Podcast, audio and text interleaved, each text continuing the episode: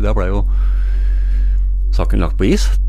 Tidligere politietterforsker Håkon Grøtland hadde hovedansvaret for Therese-saken. Da var det slutt. Da var det ikke noe mer å jobbe med. Det, det var ingen, ingen fornuftige arbeidsoppgaver. Så det ble avslutta. Av de 10 640 personene som var omhandla i saken Det vi satt igjen med, var ingen som har kunnet fortelle hvordan Therese forsvant. Men så, sju år etter at etterforskninga er lagt ned, dukker det opp en mann i Sverige som sier han har tatt Therese.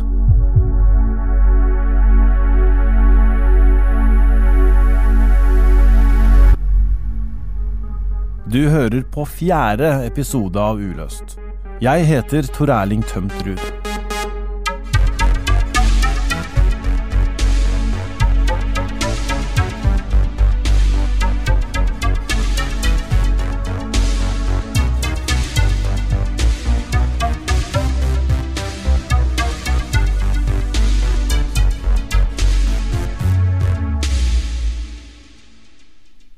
Therese Johannessen forsvant den 3. juli i 1988 fra drabantbyen Fjell i Drammen. I to år jobba politiet med saken uten å komme videre. Da de la bort Pakistan-sporet, hadde de ikke mer å jobbe med og la ned hele etterforskninga. På 90-tallet skjer det noe som får mye å si for ikke bare Therese-saken, men også mange andre kriminalsaker.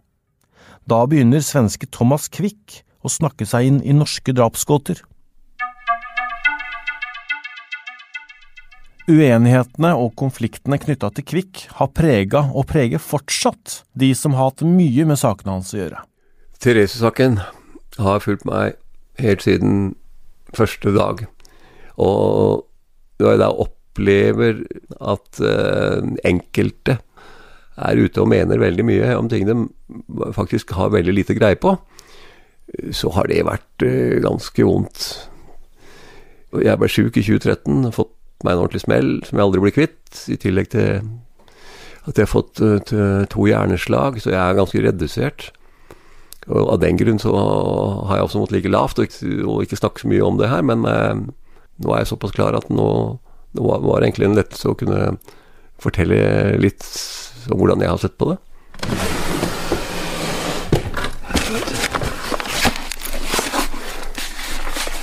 Her er det en del dokumenter og noen bilder. Sindre Leganger besøker Håkon hjemme hos han i Drammen. Du har liksom en skuff med alt i? Jeg har en skuff med en del, en del dokumenter. Eh, som notater og sånn ifra tida vi holdt på ja, Ifra 88 og 89. Eh, jeg, de ligger jo her, og det, det, er ikke så ofte jeg ser på dem, men det er klart det er, mye, det er mange historier som er knytta til, til, mye av dette. Vi kan kikke på bildene. Sånn. Da etterforskninga ble avslutta i 1990, får Håkon andre oppgaver. Men det er fortsatt han som har ansvaret for Therese-forsvinninga. Så Therese-saken var, var nærmest min. Så, i 1996, kommer en telefon fra svensk politi om at Thomas Quick har begynt å snakke seg inn i Therese-saken. På det tidspunktet er Thomas Quick i ferd med å bli et kjent navn i Norge og Sverige. Egentlig heter han Sture Bergvall, men han har tatt navnet Quick etter morens pikenavn, og Thomas etter det han har sagt er det første drapsofferet sitt av flere.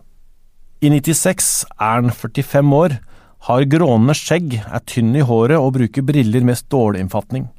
Og han er allerede dømt for tre drap i Sverige. Jeg syns det var ressursfullt. redselsfullt. En seriemorder. Det, skulle, altså, det er sånn jeg ser på TV. Thomas Quick er blitt dømt til psykiatrisk behandling og er på sykehuset Sæter sør for Falun i Sverige. Der får han behandling av psykologer, samtidig som han stadig avhøres av svensk politi. Og det er der han nevner navnet Therese og Drammen. Jeg følte en eh, Det, var eh, i en eh, form for annen verden Og det hørtes så grusomt ut at noe sånt plutselig skulle være i Drammen her, det For meg var det helt var det uvirkelig. I telefonen fra Sverige blir Håkon og norske Kripos invitert til å komme til Sundsvall for å få vite mer om hva Kvikk har fortalt. Og det gjorde vi. Dro til Sundsvall, hadde et møte der, og da fikk vi informasjon om eh, hva han hadde sagt eh, i forhold til Therese-saken. Det var minimalt, men eh, han hadde vel sagt navnet hennes og, og sagt noe helt kort om hva han hadde gjort det var den vesle informasjonen vi fikk i den anledningen. Jeg dro derfra med en tanke om at dette her eh, hørtes merkelig ut. Og var vel av den oppfatning at dette her neppe hadde noe med Thereses forsvinning å gjøre. Hvorfor tenkte du det? Nei, fordi det virka for, det virka for, eh, for sprøtt. Eh, altså, en svenske som eh, var da på sykehus. Han var psykisk syk og bare hadde gitt noen eh, opplysninger om Therese-saken som var eh, usammenhengende. Eh, var, ikke, var ikke noe som var tydelig, var ikke noe konkret. Vi hadde ingen observasjoner av noe svensk kjøretøy. Eller noen mann som ligna på han. Ikke noe sånt. Så jeg følte vel at dette her kan ikke stemme. Men så gikk det ikke så mange dagene, så hadde han forklart seg på ny. Såpass konkret at eh, det ble bestemt at jeg skulle reise over til Sverige for å bli med på neste avhør av Kvikk, som da var i de nærmeste dagene. Det gjorde jeg. Eh, og da kom det litt mer konkret. Uh, om både om Therese om, og særlig om, om stedet Fjell. Avhøra med Kvikk foregår på et musikkrom på Seter sykehus. Der står det et bord og noen stoler, og det er et vindu med utsikt til en liten innsjø. Kvikk har advokaten sin til stede, og avhøra gjøres alltid av de samme svenske politifolka. Håkon og de norske kollegaene blir sittende utafor. Men vi snakka jo sammen før og etter avhør. Eh, så fikk vi, hva skal vi si, eh, kulepunktene. Vi fikk de viktigste tinga som vi fikk med oss hjem. Og det var jo da selvfølgelig ting som var ukjente. Og det måtte jo vi da reise tilbake til Norge for å undersøke. Det var jo oppgaven vår. Kontrollere forklaringene hans. Når vi begynte å jobbe med det, så var jo motivasjonen for å jobbe var jo at vi må se å få den mannen ut av Therese-saken. Han må jobbes ut. Og jo mer vi jobba med han, jo lenger inn kom han. Og til slutt var han jo helt inne.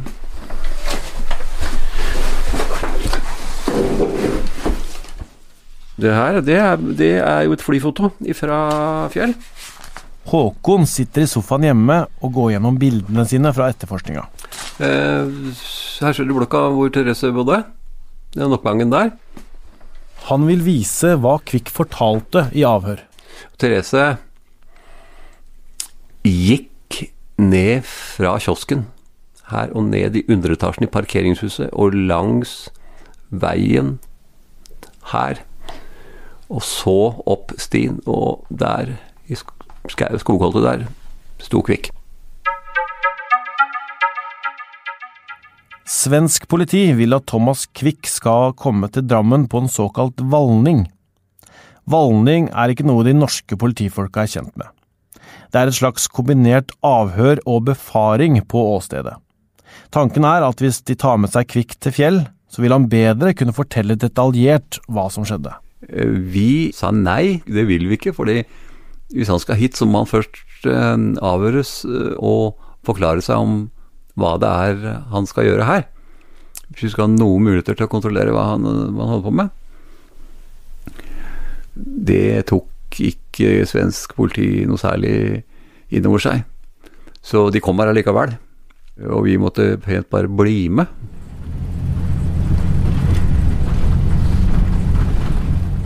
«25. april 1996 altså åtte år etter Therese forsvant, tar svensk politi med seg Thomas Quick og kjører mot Drammen. Quick blir plassert på første rad i en minibuss, med terapeuten sin og avhørslederen rundt seg. Håkon sitter på en av radene lenger bak. Da kom jeg tett inn på Kvikk. Det var da jeg forsto at det å altså avhøre han, snakke med han, det er ikke å snakke her sånn som du og jeg gjør nå. Det er noe helt spesielt. Så, når vi hadde bedt svensk politi om å avhøre han om de tingene han skulle vise oss her, det, sånn funka det ikke. De avhørende, altså Måten han snakka på, var prega av at han eh, befant seg nok i en litt annen verden enn det vi gjorde. Han snakka annerledes, han pusta annerledes. Eh, det var stønning, og det var um, gråting, og det var i hele tatt eh, Det var ikke Det var en gal manns atferd. Valningen funker sånn at fra et tidspunkt får Kvikk beskjed om at nå er det han som skal si hvor bilen skal kjøre. Denne dagen som vi var på denne runden, så var det uh, tåka lå over Drammen som tjukk graut. Du hadde ikke sikt på mer enn 100 meter. Når vi kom til Drammen, så var det umulig å se fjell. Og så Han kjørte jo feil først. Kvikk roter seg bort på feil side av Drammenselva. Politiet hjelper han tilbake til Drammen sentrum. Uh, så han havna gærent ut, men nå han fikk, fikk han på rett kjøl over elva, så uh, fant han fram til fjellet igjen. Han tok jo oss rundt på fjell. Snakka om Therese samtidig. Han øh, var forundra over hvordan det så ut øh, der. Fordi han savna noen bygninger. Og det er helt riktig. Uh, for det var en endring der. Et bibliotek som var borte. Pluss at det var en helt annen farge på, på blokkene der oppe. For de var jo malt etter 1988. Ikke akkurat at det er noen eksklusiv opplysning, for det kunne noen ha fortalt den kanskje. Men han sa det nå, da. Etter mye om og men viser Kvikk vei til blokka til Therese. Der går han ut, og med både avhøreren og Håkon rundt seg, forteller han hva han skal ha gjort med henne.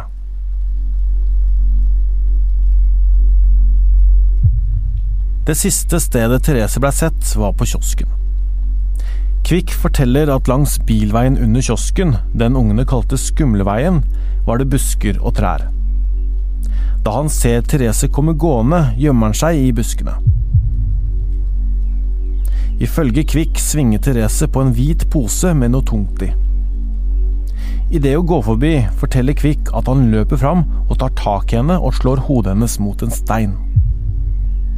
Så løper han opp veien til en parkeringsplass, henter bilen sin, kjører ned og tar med seg Therese. Så kjører han i full fart vekk fra Fjell.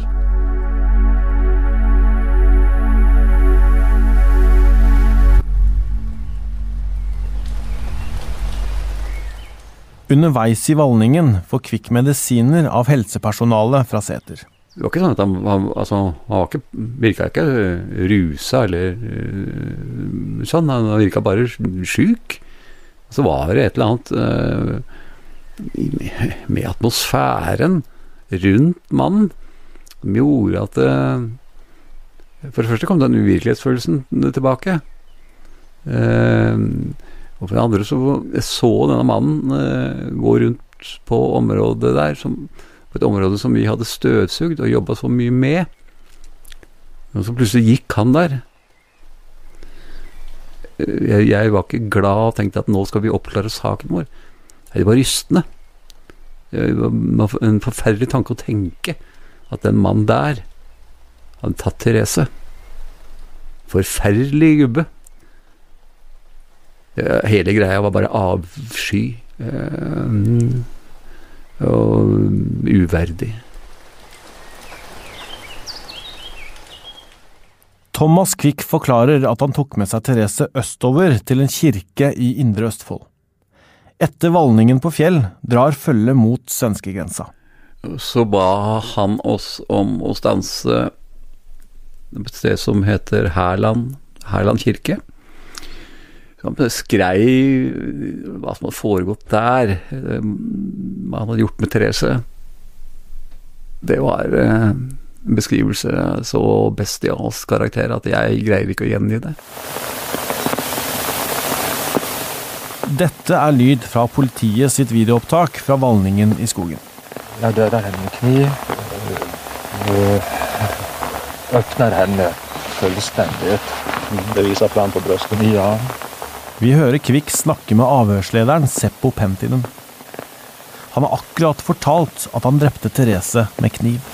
Og eh, hva jeg søker sen er all redsla. Jeg måtte nå allra lengst inn til redselen. Eh, Kvikk forteller at han opplevde en redsel som han mener ligger i Thereses ryggrad. Og han prøvde å kjenne på den redselen ved å ta tak i den med hånda. Og det er viktig for meg at, at, at med handen få tag og kjenne den redselen. Og det innebærer at uh, jeg går forbi organet og så videre. Maker åt siden. Der utenfor.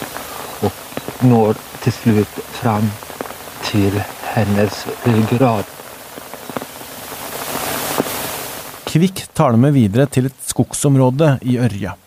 Der eh, går rundt i området der, og jeg hører ikke hva han sier, jeg. jeg det, han går bare og hvisker og mumler, eh, og jeg er, er ikke helt så tett oppi. oppi. Så klikker han jo helt fullstendig, det er jo det som er vist i TV noen ganger, hvor han roper og skriker og er, eh, er bajas.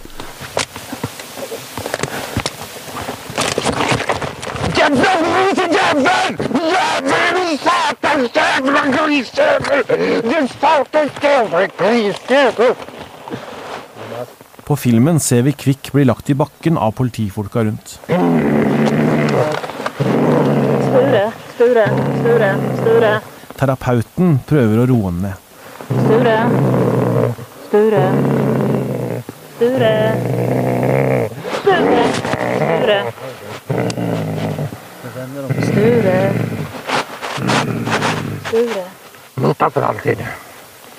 Borta for alltid. Borta for alltid. Jeg har jo sett på TV-bilden at jeg står jo like rolig med hendene i lomma jeg og ser på dette her, men jeg var jo egentlig livredd. Et eh, slags monster som lå der og brumma som et dyr.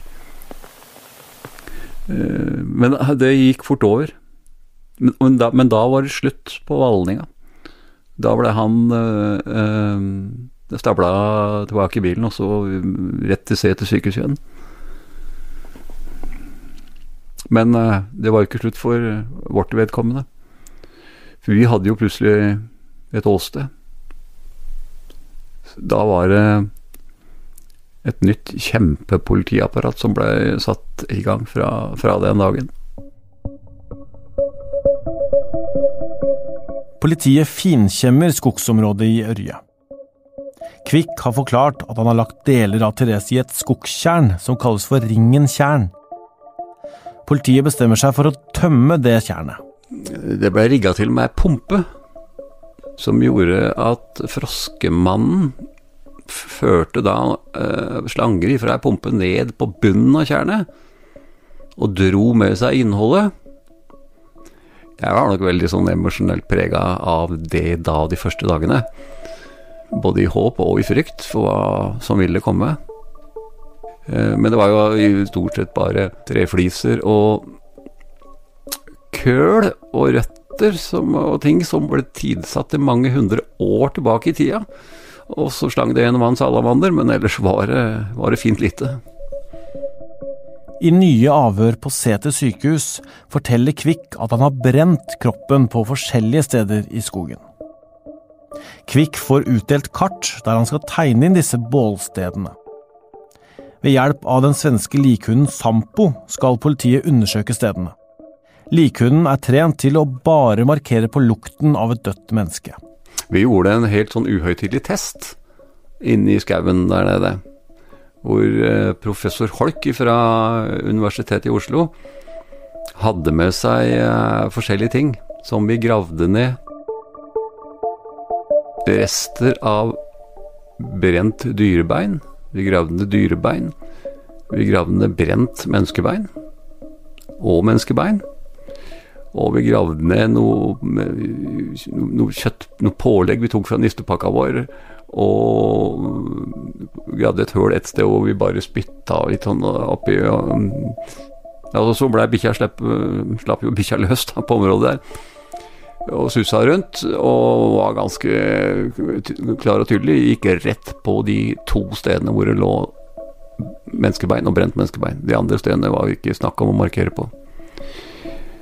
Det var ikke noe vitenskapelig test, det her, men det var, ga oss for så vidt et godt bilde av hva bikkja kunne. Hunden markerer i nærheten av bålsteder Kvikk har pekt ut, men de finner ingen tydelige spor etter mennesket. Politiet samler sammen brent materiale fra bålstedene. Og Per Holk, som er professor i anatomi ved Universitetet i Oslo, setter i gang å analysere.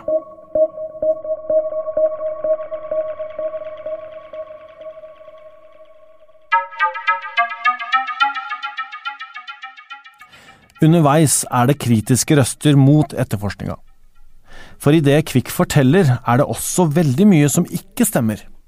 For det første eh, så vet vi jo eh, at det han fortalte innledningsvis eh, om sentral, hva skal vi si, de, sakens helt sentrale eh, karakter, var fullstendig feil. Politimann og forsker Asbjørn Rachlew veit mye om avhøra av Thomas Quick. Altså, I de innledende avhørene så bommet han jo på alt. Skivebom på alt. Uh, han fortalte at uh, Therese var en blond jente. Det var hun definitivt ikke. Han fortalte om fjell. Uh, for han hadde jo lest en notis i avisene om at Therese var blitt borte fra fjell. Og da han ble bedt om å beskrive fjell, så fortalte, sammenlignet han med med en svensk landsby. Eh, jeg har selv googlet eh, denne landsbyen og sett på Google Earth. Der er det låver, grusveier, jorder eh, altså en, Mens vi vet Fjell er jo en drabantby. Altså det stikk motsatte miljøet. Altså, alt han sa var feil. Rachlew har forska på avhørsmetoder. Sammen med en arbeidsgruppe som så på hele Kvikk-saken i ettertid, har han gått gjennom avhøra av Thomas Quick. Under avhøra med svensk politi tilsto Thomas Quick til sammen 40 drap. Og, og, og, da kom det til et tidspunkt i, i, etterforskningen i Sverige hvor man lurte på ja, er det flere uoppklarte drapssaker i Norge. Altså Han, han, han tilsto jo alt av uoppklarte drap ikke sant, i Sverige. Og, og, når han var tom for uoppklarte drap i Sverige, så, så bevegde han seg ut i hva skal vi si, Norden. Og Da ble det jo spørsmål ja, har Norge noen flere uoppklarte drap. Og, Våre etterforskere eh, gikk jo da inn i, i eh, arkivene og, undersøkte. Og da var det noen etterforskere som fant altså to eh, asylgutter, eh, jeg tror de var fra Somalia, eh, som var forsvunnet fra et asylmottak. Eh, så det kunne jo være drap. Og eh, straks Thomas fikk, eh, altså Sture Bergwall fikk vite om det, ja da, de hadde han drept. Og, og, begynte å fortelle om hvor han hadde drept de, eh, hvor han hadde tatt de, eh, måten han hadde misbrukt de seksuelt, og han, ikke minst hvor han hadde begravd de osv. Altså, akkurat samme historien som alle de andre sa sakene. Eh, men før etterforskningen eh, av de somalske guttene kom hva skal vi si, virkelig tungt i gang, eh, så var det jo noen kolleger da som, som, undersøkte litt nærmere og fant ut at ja, men de levde jo i beste velgående, altså i andre land. Hva sier det om troverdigheten til forklaringen? Nei, altså det, bare forteller, det forteller jo at eh, du har med en mann å gjøre som sitter og bare fantaserer. Ifølge Rachlew fikk Kvikk informasjon om de forskjellige drapssakene gjennom samtaler med terapeuter, journalister og andre han møtte på seter, og også fra etterforskerne gjennom såkalte uformelle samtaler. Altså, eh, de formelle avhørene er skrevet ned ord for ord, så der har vi ganske god um, mulighet til å gå inn og se hvordan de ulike såkalte bevistemaene utvikler seg. Det vi ikke vet, det er hva som blir sagt mellom avhøreren utenfor de formelle samtalene. I uh, denne kontakten, uh, den uformelle kontakten, så ble det pratet hele tiden. Og, og, og der plutselig så uh, nevner han noe som kan være interessant, og så ble det skrevet da en egen rapport om det. Og så danner det utgangspunktet for videre undersøkelser.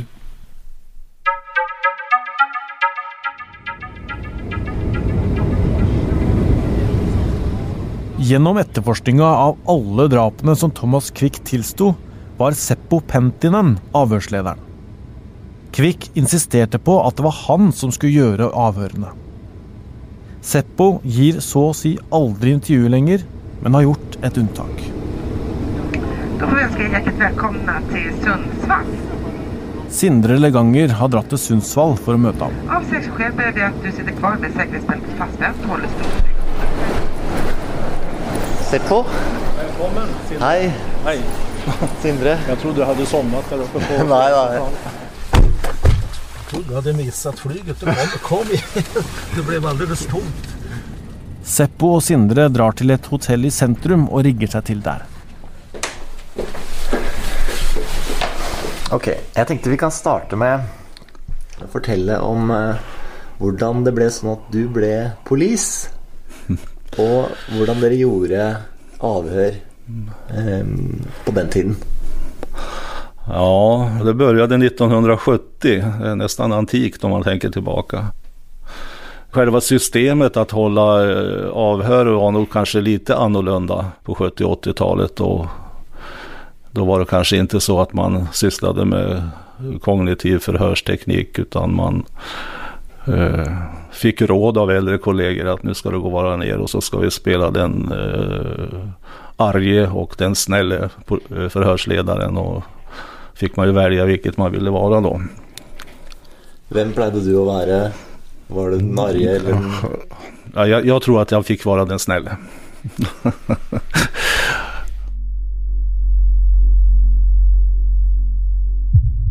Fortell om det første møtet ditt med, med Bergvall eller Kvikk. Hva- husker du fra det? Det är ju ett antal år sedan och komma ihåg exakt hur det var men, men han uppträdde ju i första mötet som vi hade så var det en lugn och balanserad person. Avhøra ble gjort på et rom på Sete sykehus. Vi hadde bordet imellom oss og en bandspelare som slogs på.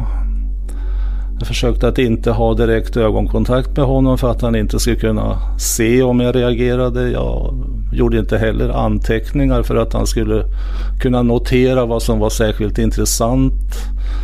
Försökte hålla en veldig väldigt neutral eh, eh, ton mot honom utan att ge signaler fysiskt.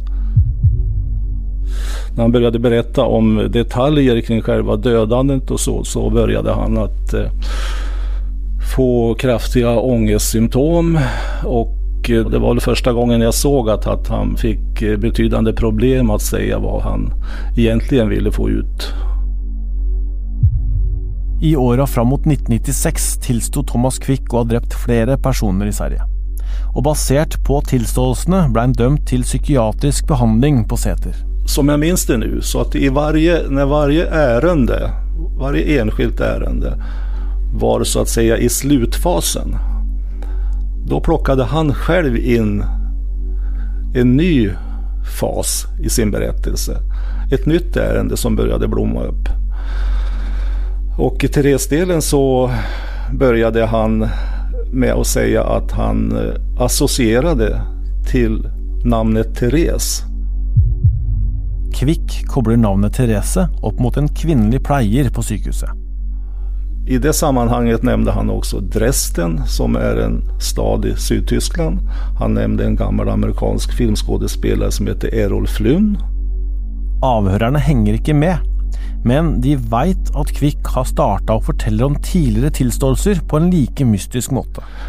Alltså normalt om, om du sitter som avhørsleder og noen begynner å prate om Dresden og Errol Flynn så skulle man ju kunna packa ihop sin bandspelare och fara hem och göra någonting som är vettigare. Men, men eh, med den kunskapen vi hade i bakfickan om hans säregna sätt att börja ett berättelse. Så väntade vi vad som skulle komma i nästa avhör. Och då bildades ju istället för Dresden så blev det Drammen. Istället för Errol Flynn så blev det Fjäll. En ordlek som han använde sig av. Och det här utvecklades så småningom att han blev, det blev mer och mer detaljrik berättelse om Therese Johannesen.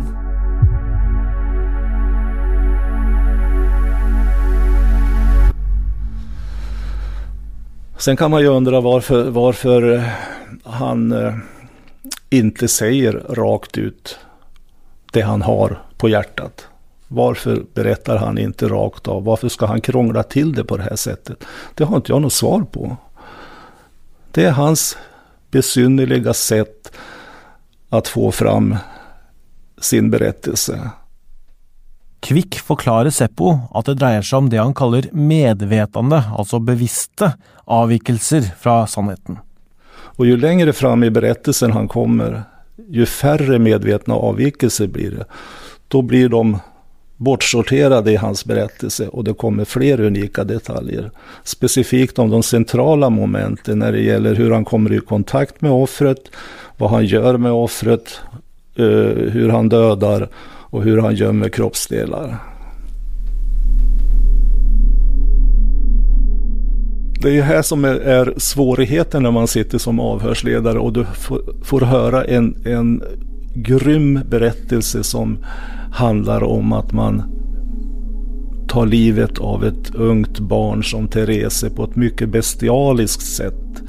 Eh, och samtidigt se hans kroppsspråk, hans ångest, eh, hans eh, till synes förtvivlan. Eh, och du ser en människa som sitter framför dig som är eh, du existerar inte. Han tittar rakt ut i rummet fast han finns inte närvarande. Hans blick är tom.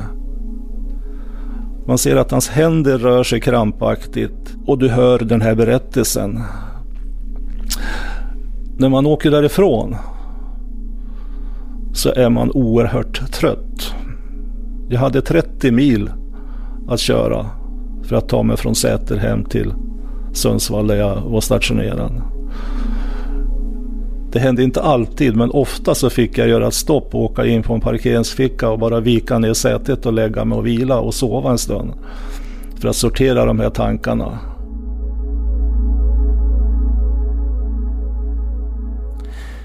Seppo Pentinen var med Thomas Quick på Valningen i Norge. Og sittende i minibussen skjer det noe som skal bli veldig viktig for etterforskninga. Jeg kommer ihåg denne situasjonen veldig tydelig. Han sitter eh, bakom förarsätena. Det är en plats för tre personer. Där sitter han längst till vänster.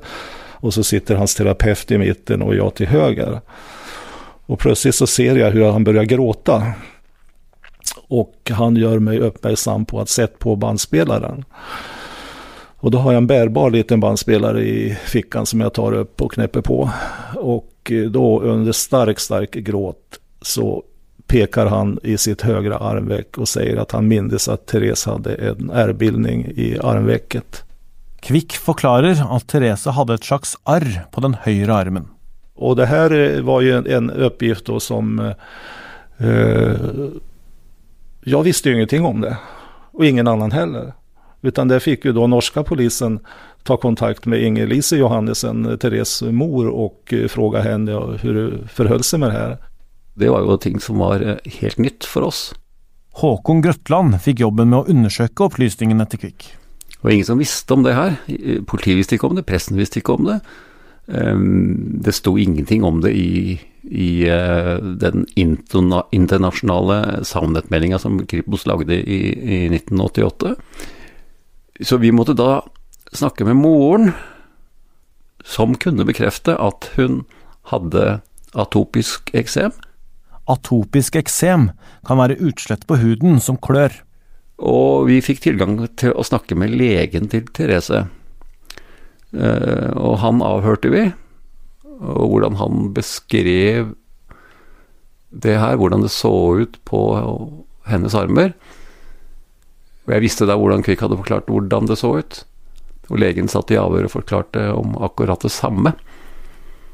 Uten at han visste at Kvikk hadde forklart noe sånt. Eh, Jeg må si det var eh, Det var ganske spesielt å, å høre bekreftelsen på at han, han greier å gi en sånn, sånn detalj, detalj på, på kroppen hennes. Og legen sitter og bekrefter det. Det gjorde inntrykk, det. altså. Hva tenkte du da, da? Jeg tenkte jo at han må Han må jo ha vært i kontakt med Therese. Han kan ikke fortelle sånt uten at han fysisk har vært i kontakt med Therese. Så det er nødt til å være han som er gjerningsmannen. Etterforskninga fortsetter, men de klarer ikke finne Therese. Så ringer telefonen hos politiet i Drammen. Da hadde vi holdt på å jobbe i skogen der ganske lenge, og funnet alle disse bålplassene som Kvikk hadde forklart om. Og så er det på dagen Det blir jo på årsdagen 3. juli da 1997 blir det da, så fikk da eh, Knut Staknes, kriminalteknikeren vår, telefon fra universitetet, fra professor Per Holk, om at noen av de bitene vi hadde eh, funnet, var bein ifra et ungt menneske. Eh, enten et lårbein eller en underarm av et ungt menneske mellom 5 og 15 år. Så får jeg et telefonsamtale fra Håkon Grøtland som sier at Per Holk eh, anser at dette er benrester fra en ung individ. Jeg kommer ikke ihåg hva jeg svarte, men derimot så blir jeg veldig, veldig berørt. När man sysler med, med mordärenden där människor har dödats, och i det här fallet en liten flicka, så är det ju känslosamt att vara avhörsledare med tanke på hur man dels känner vad det här offret ska ha fått utstå för lidande. Men dessutom, vad ska de anhöriga känna när de får höra den här berättelsen? Att de får ett fynd samtidigt som äntligen visade att det kunde vara någonting som kom från deras dotter. Jag tror inte man som avhörsledare eller som utomstående, oavsett vem man är, någonsin som kan sätta sig in i den sorg och den enorma vånda som, som en anhörig som har mist ett barn upplever. Man har fortfarande inte, i det här fallet, någon grav att gå till. Man har bara Sture Bervas berättelse. Och den berättelse han lämnade om vad han hade gjort med Therese, den hörde Inger-Lise Johannesen. Och det var ingenting som hon glömmer i första taget.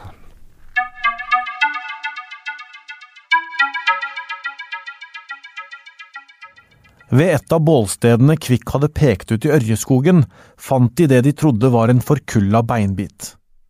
Da Kvikk også forklarer at Therese hadde eksem på armene, blir det tatt ut tiltale, og det blir rettssak.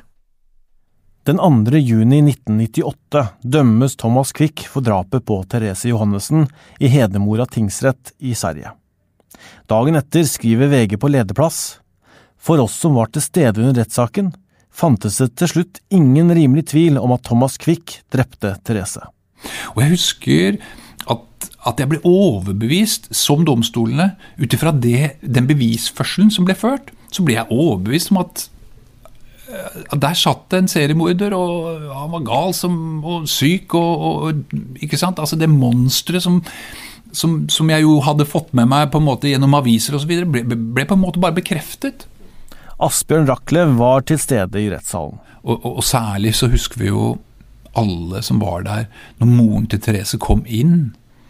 Uh, og hun uh, svarte på noen, hva skal vi si mer eller mindre formelle spørsmål fra dommeren om hva slags klær Therese hadde på seg, og, og, og litt slike ting. Så spurte dommeren liksom, er det noe du Er det noe du ønsker å fortelle retten nå, eller Og da, da henvendte hun seg direkte til, til Sture Bergwall, som da satt på tiltalebenken. Hun, hun, trodde jo ikke, hun trodde aldri på at det var han. For han hadde jo ikke kunnet eh, gi henne tilbake til Therese. Hun hadde jo sett at politiet hadde gravd og tømt tjern osv., men hun ble jo aldri funnet. Eh, så hun, hun ga Sture Bergwall en, en skyllebøtte. Liksom. Hvor er Therese? Hvis du, si, du sier du har tatt henne, men hvorfor kan du ikke da fortelle oss hvor hun er?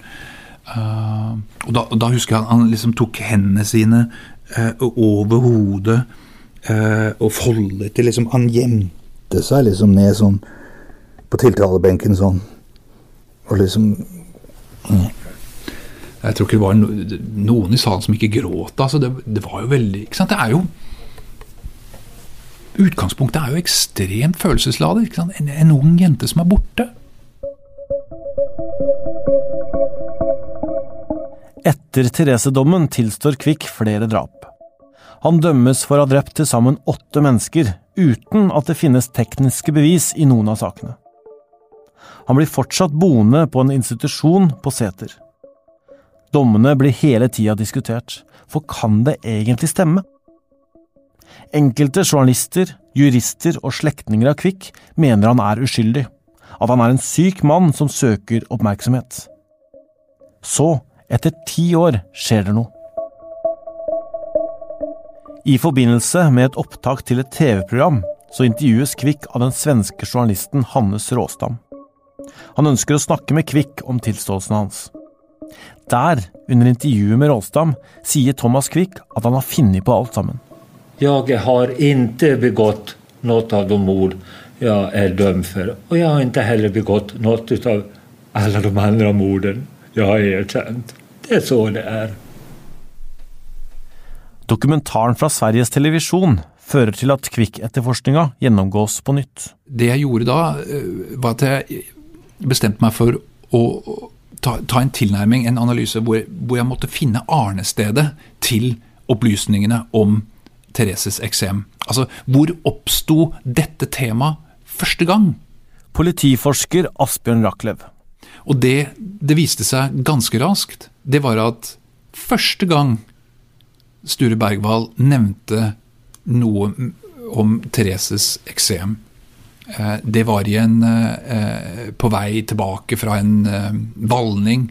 Og så skal han da ha sagt jeg, har, jeg, jeg, kan altså veldig vagt sånn, jeg kan ha et minnebilde av at Therese kan ha hatt eh, et lite arr på høyre overarm. Vi skal være klar over at forut for dette så var han blitt avhørt, så vidt jeg husker, ni ganger om Therese. Han var blitt spurt i hvert avhør om han kunne beskrive henne. Om hun hadde noe særkjenne. Om det var noe spesielt med henne. Han hadde beskrevet henne feil hver gang, eh, men så kom han tilbake og korrigerte seg når han hadde fått lest i aviser osv. Eh, men, men aldri nevnte han noe om noe arr. Men som sagt, eh, et godt stykke ut i etterforskningen så, så kastet han opp eh, denne eh, dette mulige minnebildet. Så gikk etterforskerne tilbake til Thomas Quick og spurte du, det arret du nevnte i den bilen når vi kjørte fra Oslo og sånn, om, om, om Thereses arr. Fortell mer om det. Nei, da kunne han ikke huske det. Han kunne ikke huske at han hadde fortalt en gang. Men etterforskerne ga seg ikke, for dette ville de til bunns i. Så går etterforskeren inn og stiller ledende spørsmål. Du nevnte at hun hadde noen hudproblemer på armene. Ja, ja, ja. For nå skjønner Thomas Quick at her er han inne på noe. Dette er politiet interessert i. Ja, ja, så nå, nå, nå, mener han å huske dette igjen. Nå mener han å huske dette igjen. Og så stilles det veldig mye alternativgivende spørsmål, og det holdes opp to alternativer. Ja, du nevnte at hun hadde noen eh, rødflammige flekker på hånden. Var det, var det flekkevis, eller var det hele armen? Tenker Thomas Quick antagelig som du og jeg, at det var nok ikke hele armen. Nei, flekkvis. Ja, flekkvis, ja. Og, og, slik på en måte bare sluses han inn i en forklaring som eh, begynner å passe den moren har gitt. Og det skumleste her er jo da at eh, informasjon som peker i en annen retning, det bare overses. Etterforskerne er ikke interessert i det. De er så sterkt preget av bekreftelsesfellene at de, de overser informasjon som ikke passer. Eh, ubevisst. Eh, Vi har ingen indikasjon på at etterforskerne gjorde dette med vilje, altså eh, skapte bevis som de visste ikke eksisterte. Vi ser av de norske egenrapportene at når Thomas Quick forklarte noe om, om det atopiske eksemet som ikke passet, så nevnes det ikke, rett og slett. Men når det er noe som passer, så nevnes det. Og eh, selve avhørssituasjonen er eh, så ledende at jeg vil nærmest kalle det en trakt. Altså, hvor, hvor, hvor, hvor Thomas Quick bare ledes inn til den informasjonen som politiet vet kan være med på å felle han. Av forsvinningssakene er Therese-saken spesiell, fordi den er den eneste der Kvikk skal ha leda politiet til et fysisk spor av den avdøde. Det skal være de restene de fant i bålet. De forkulla bitene hentes fram for nye undersøkelser i Sverige. Det vi vet i dag, det er altså at tolv uavhengige sakkyndige fra ulike institusjoner i Sverige, spesialister på området, har gått inn og gjennomført ikke bare de samme analysene som den norske professoren, men også kjemiske analyser. Ikke bare ved ett laboratorie, men ved tre ulike laboratorier. Samtlige tolv sier at dette er ikke benrester. De svenske ekspertene mener materialet ikke er fra et menneske, men isteden brent tre og lim.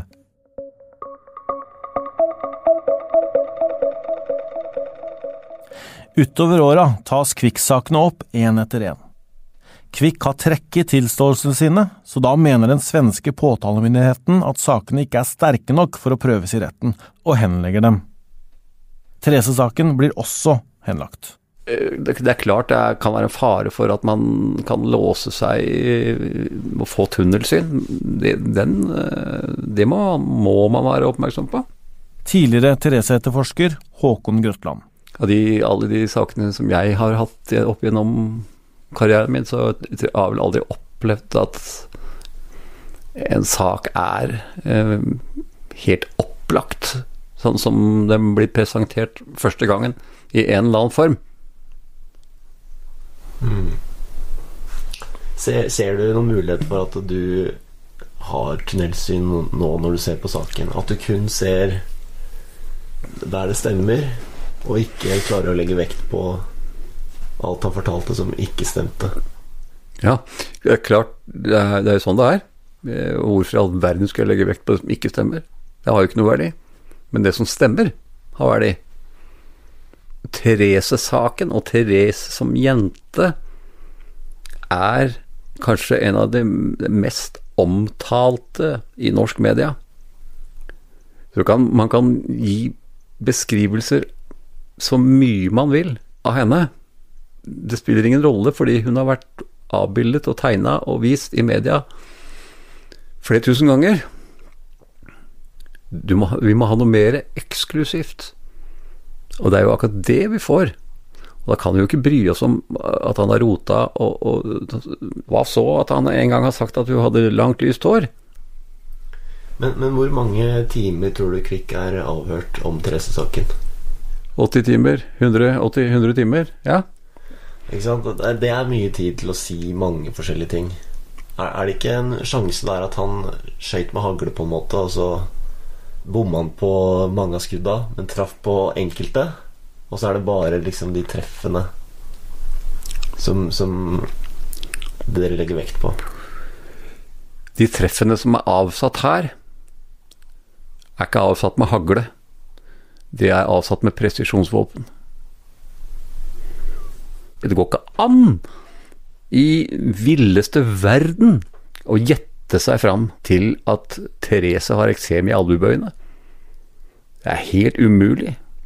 Sånne ting er ikke treff etter haglskudd. Dette her er helt presist. Helt presist. Noe av kritikken mot avhøra er at politiet spurte og spurte helt til Kvikk landa på noe som kunne stemme med virkeligheten, og da gikk de videre. Det er jo ofrånkomligt at om man sitter sammen, precis som du og jeg gjør nå, så får man jo impulser, man kan få innfallsvinkler, man kan, man kan kjenne uh, vibrasjoner i rommet i noen riktning. Tidligere avhørsleder Seppo Pentinen. Det måste ju Bergvall också kunna ha gjort. Han måste kunna sett någonting på mig och lika väl som jag såg någonting på honom. Men att, att han skulle kunna läsa mig på det sättet, det tror jag inte. De detaljer som Bergvall har lämnat eh, i de olika fallen, det är ju sånt som jag, jag kan inte överföra det med min, min attityd eller mitt sätt att ställa frågor eller med mitt kroppsspråk. Alltså det, det är för mycket saker. Mycket faktiska saker. Mm. Da dere kom fram til etter hvert at Bergwall fortalte om, eh, om eh, flekkevis rødhet i begge albueleddene, Mm. eh, gikk dere videre og spurte mer, mer da, eller lot dere det da liksom ligge fordi da, da hadde han rett? Ja, jag vet inte hur vi skulle kunna gått vidare med det. I så fall så får du kanske hjälpa mig och ge något förslag. Jag, jag ser inte vad man skulle kunna ställt ytterligare för frågor kring det. Man kunne, man kunne spurt sånn Var det rødt, eller var det et blåmerke? Eksempel, eller var det på armen, eller var det mer opp mot skulderen? Liksom For å følge samme metoden, for å se om man så hadde begynt å ta feil igjen, hvis du forstår hva jeg mener? Ja, jo, okej, okej. Men då är man ju väldigt ledande om man börjar prata om att var det ett blåmärke eller var det annat. Då, eh, visst, på, på det sättet skulle man säkert kunna fortsätta i varenda, varenda situation som han berättar om. Jag återkommer ju till det här, det var ju inte bara ett förhör utan det var jag tror två eller tre. Eh, Sen han hade nämnt den här rodnaden, det röda, så höll han fast vid det i det sista förhöret också.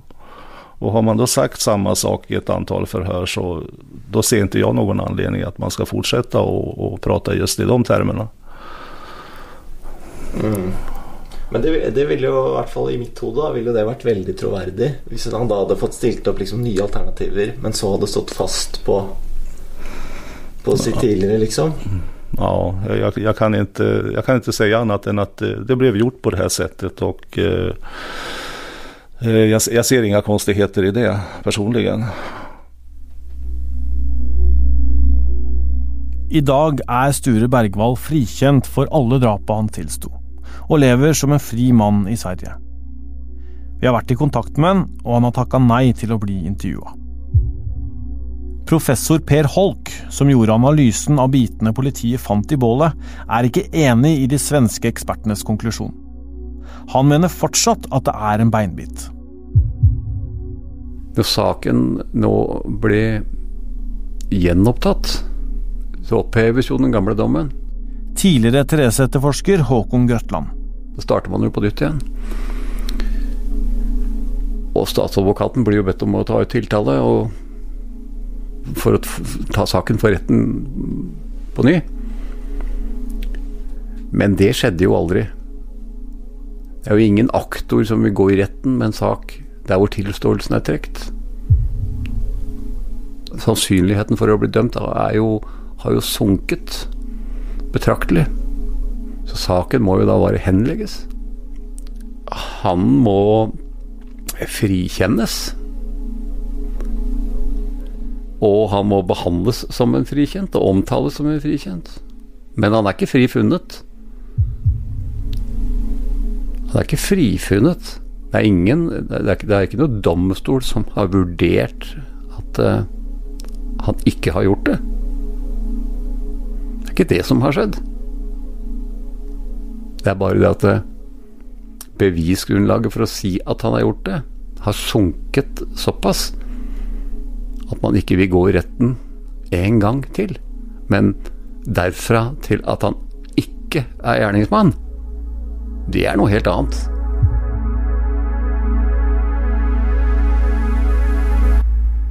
Eh, Dette er eh, en studie i hvor sterke bekreftelsesfellene faktisk er, og hvordan de eh, slår inn.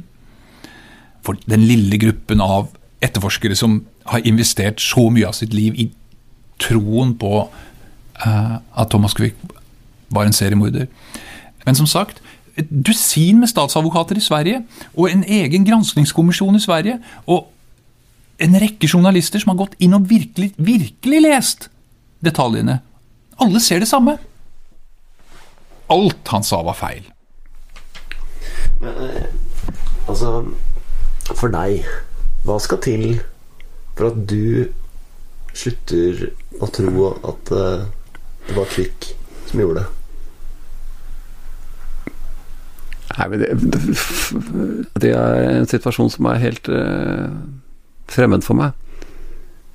Uh, jeg, jeg kan ikke forstå annet enn at det er han som er gjerningsmann, fordi han har forklart det han har forklart. Jeg kan ikke se noen annen situasjon.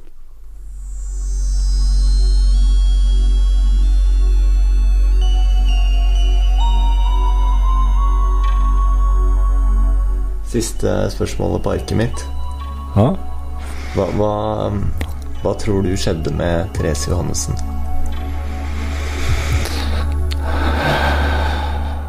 Den frågan har du fundert på lenge. Mm, det gjør jeg også. Jeg vet jo bare det som Bergvall har berettet. Og nå anser man at han ikke har tatt livet av henne.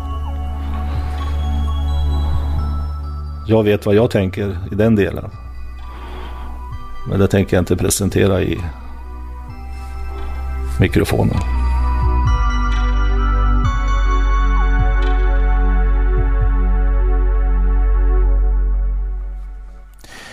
Ok, så er det ikke Thomas Quick. Hvem er det da? I fjor høst fikk VG inn et tips om Therese-saken. Det fantes et lydopptak som vi burde høre. Hør mer i siste episode.